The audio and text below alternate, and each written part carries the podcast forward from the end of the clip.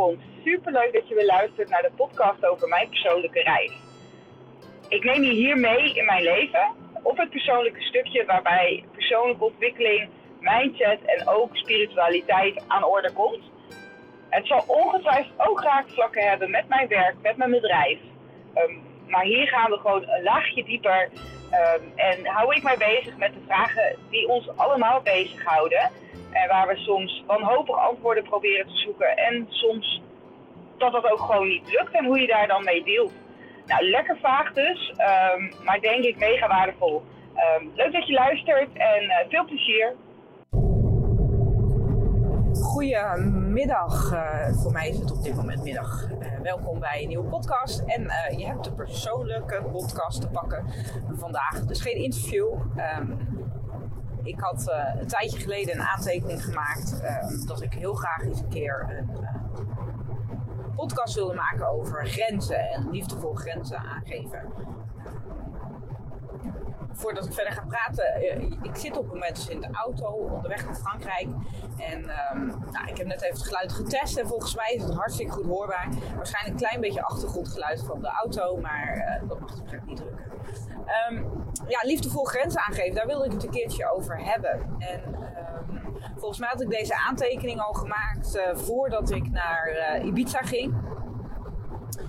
En tijdens Ibiza heb ik daar ook weer een aantal lessen over mogen leren. En ook mee mogen oefenen bij Lieve Joyce. En daar vertel ik alles over in uh, de Ibiza-reeks podcast, om maar zo even te zeggen. Um, en hoe kwam ik op dit onderwerp? En um, dat is omdat ik denk dat heel veel mensen, waaronder ook ik, af en toe heel veel moeite heeft om uh, ja, je eigen grenzen aan te geven of te bewaken. Uh, we zitten in een maatschappij en ik denk ook met een opvoeding. Uh, conditionering waarbij je geleerd wordt dat het heel erg oké is om andere mensen te plezieren, om je best te doen, om uh, er voor anderen te zijn. En uh, dat is natuurlijk allemaal super oké. Want dat is denk ik ook heel erg belangrijk in het mens zijn en in ons leven. Um, dat je uh, niet alleen maar voor je eigen ding gaat. Um, maar juist in verbondenheid met iedereen om je heen uh, leeft. En, en dat betekent ook af en toe wat voor een ander doen. Echter, wat ik gemerkt heb ook in mijn leven, is dat we wel heel erg verwijderd raken van ons eigen stukje. En je eigen grenzen maken, je eigen behoeftes benoemen.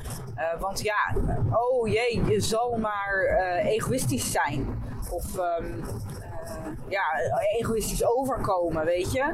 Uh, dat is natuurlijk denk ik een angst van ons allen. Je wilt niet zo te boek staan en... Um, ja, ik denk dat dat in onze opvoeding misschien, uh, en het is absoluut geen verwijt of zo naar mijn opvoeder, maar het is gewoon een maatschappelijk ding of zo wat ik zie.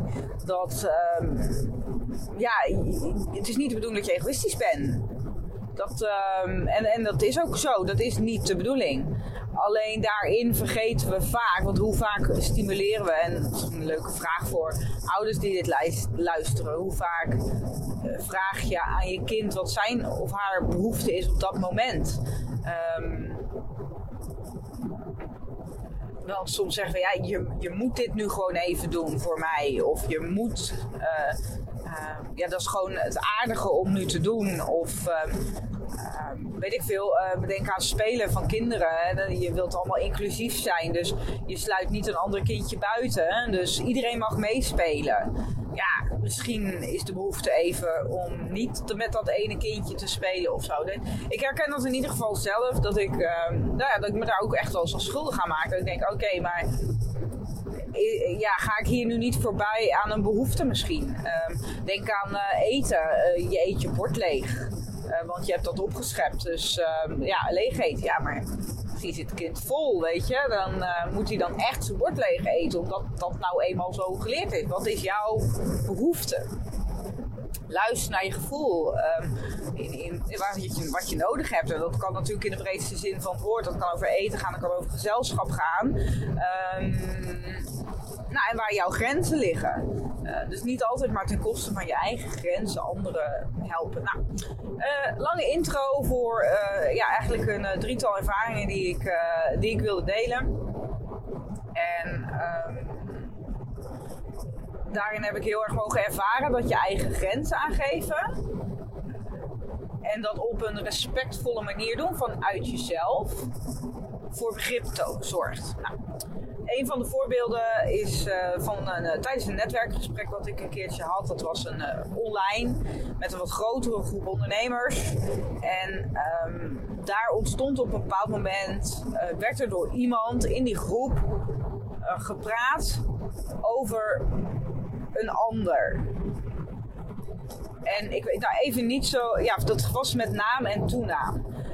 Zo van die persoon dat zo en zo en dat uh, vond ik niet fijn of dat werkte niet. Uh, context maakt niet zo heel veel uit, maar ik werd ongemakkelijk. Want die persoon zat er niet bij. We zaten in een netwerkgesprek van 20 personen. En er werd gepraat over iemand die er op dat moment niet bij was. En ik heb echt eventjes zo in tweestrijd gezeten. Zo van, ga ik nu um, iets zeggen?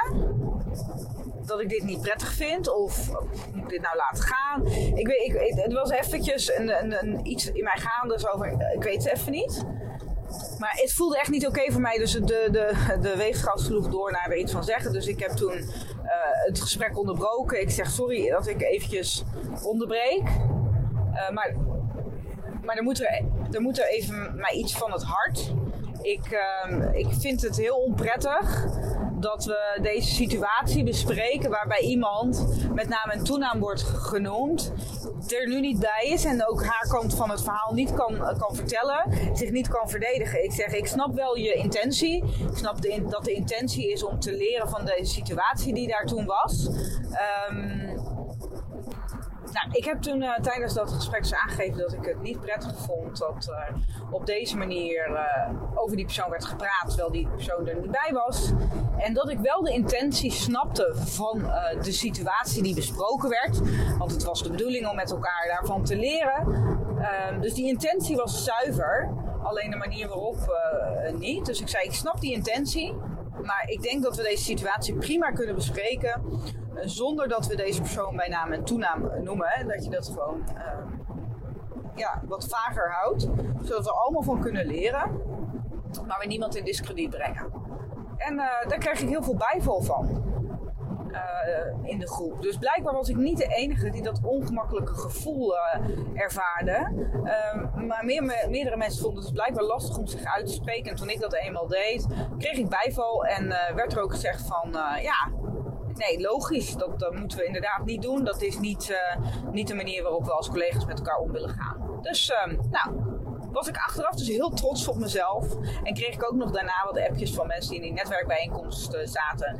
Dat het heel krachtig was dat ik dat, uh, dat had gedaan. Dat ik uh, voor iemand was opgekomen en voor de manier waarop we met elkaar omgingen. Dus daar was ik best wel ja, een soort van trots op. Um, zonder mezelf op mijn borst te slaan, maar meer, ik mocht even ervaren dat het oké is om even dat ongemak te voelen en daarna toch voor je waarde op te komen. Nou, een andere situatie die ik, uh, die ik heb gehad is dat ik nou, in een werkgroep zat en dat liep niet lekker. Het was een kleine werkgroep en ik viel er een beetje buiten. Er werden keuzes gemaakt zonder mij. En als ik de mensen daarop aansprak, toen, dan kreeg ik te horen van... oh, sorry, dat zijn we vergeten. Het was handig. We zagen elkaar en toen hebben we dat besloten. En, nou, er waren een paar incidentjes in, in die hoedanigheid... waardoor ik me niet volwaardig werkgroeplid voelde. En ik merkte dat het mij heel veel energie kostte. Ik zag er elke keer toch weer tegenop. Ik voelde me een beetje gebruikt en um, het zat niet lekker.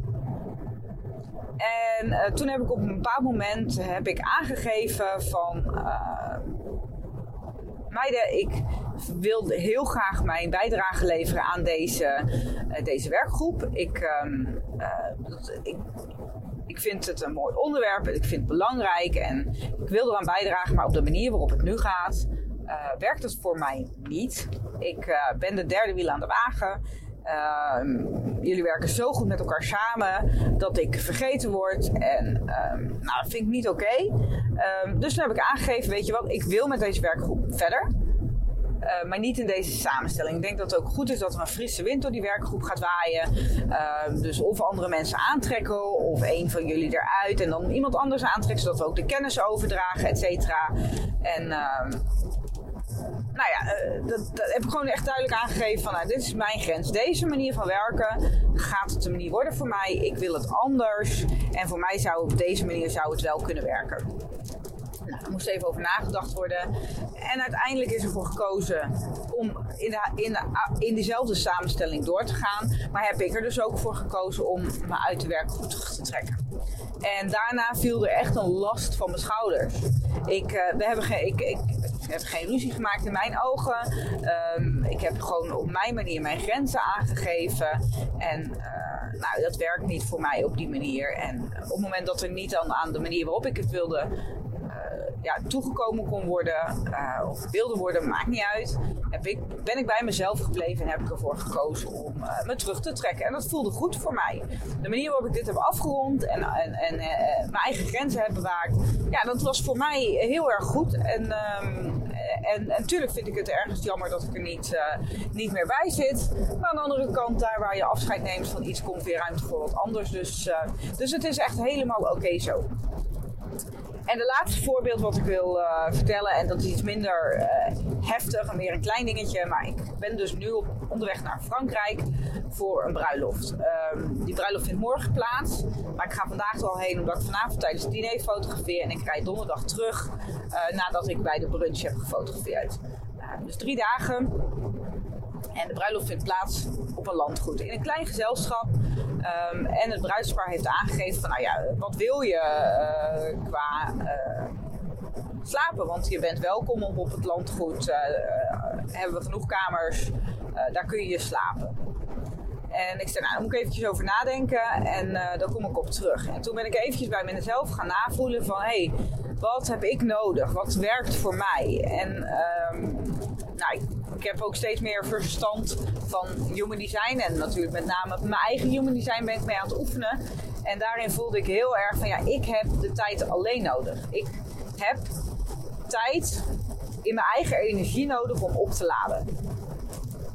Dus toen heb ik het bruidspaar laten weten dat ik, uh, ondanks dat ik het een heel lief aanbod vond, uh, liever buiten, uh, buiten de locatie logeer.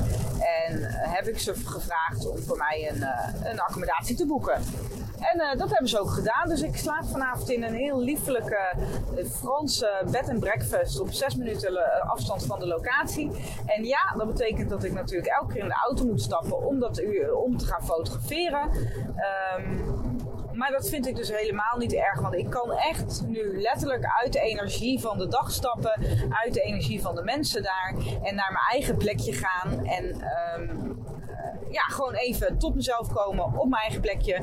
Zonder ogen in mijn rug, zonder in de gaten worden. En niet dat ze me in de gaten houden hoor. Echt, ik, ik ga hartstikke goed met die mensen en, en ik heb er super veel zin in. Alleen, eh, ja, je blijft toch een soort van onderdeel van de dag. Uh, terwijl op dat moment mijn rol voor die dag dan is afgelopen. Of nog niet is begonnen, bijvoorbeeld op donderdagochtend. En uh, nou, dat uh, was ook best een overwinningje voor mij. Want normaal gesproken zou ik zeggen van, nou ja, nee, logisch, doe maar. Ehm, want dat is voor hun natuurlijk minder kosten. Want die, die locatie hebben ze al geboekt. En nu moeten ze extra kosten maken om in mijn behoeften te voorzien. En, maar goed, dat was geen probleem. Dus... Um, ja, moraal van het verhaal is, is dat, ik, uh, dat het denk ik heel goed is om te gaan oefenen. En um, dat kan natuurlijk in hele kleine dingetjes uh, in eerste instantie. Te gaan oefenen om te kijken van hé, hey, maar wat is mijn behoefte dan? En, en durf ik op een liefdevolle, respectvolle manier mijn behoefte te uiten en mijn grens en met name grenzen, denk ik. het hangt natuurlijk een beetje samen, behoeften en grenzen. Maar je grenzen aan te geven. Oké, maar dit, uh, dit is voor mij te ver. Uh, trek ik even niet. Heb ik nu geen behoefte aan. Wil ik niet. maar echt het bij jezelf te houden. En daar is mee te oefenen. Want ik denk, dat merk ik dus. Hoe meer ik dit oefen, hoe makkelijker het ook me afgaat door gewoon aan te geven: ja, maar het is mijn grens. Dit wil ik niet. En uh, nou, daar wil ik je toe uitnodigen. Ik uh, hoop dat je mijn ervaringen hierin, uh, dat het jou weer een stukje verder helpt in het, uh, ja, bewaken van je eigen grenzen en daarmee ja, een leuk leven of zo te creëren voor jezelf. Oké, bye bye. Dankjewel dat je weer luistert naar mijn podcast. En je bent tot het einde gekomen van deze aflevering. En dat kan niet anders betekenen dan dat je nou, het interessant vond, of leuk vond, of ontroerend. Wat ik je daarom ook wil vragen is of je de moeite zou willen nemen om een uh, review achter te laten bij deze podcast op uh, Apple Podcast of op Spotify. Want daarmee help je uh, mij om deze podcast beter te laten vinden door andere mensen. En ja, wordt het bereik alleen maar groter en draag je mee bij aan mijn missie om de dood meer uit de taboesfeer te halen. dus ja, dankjewel.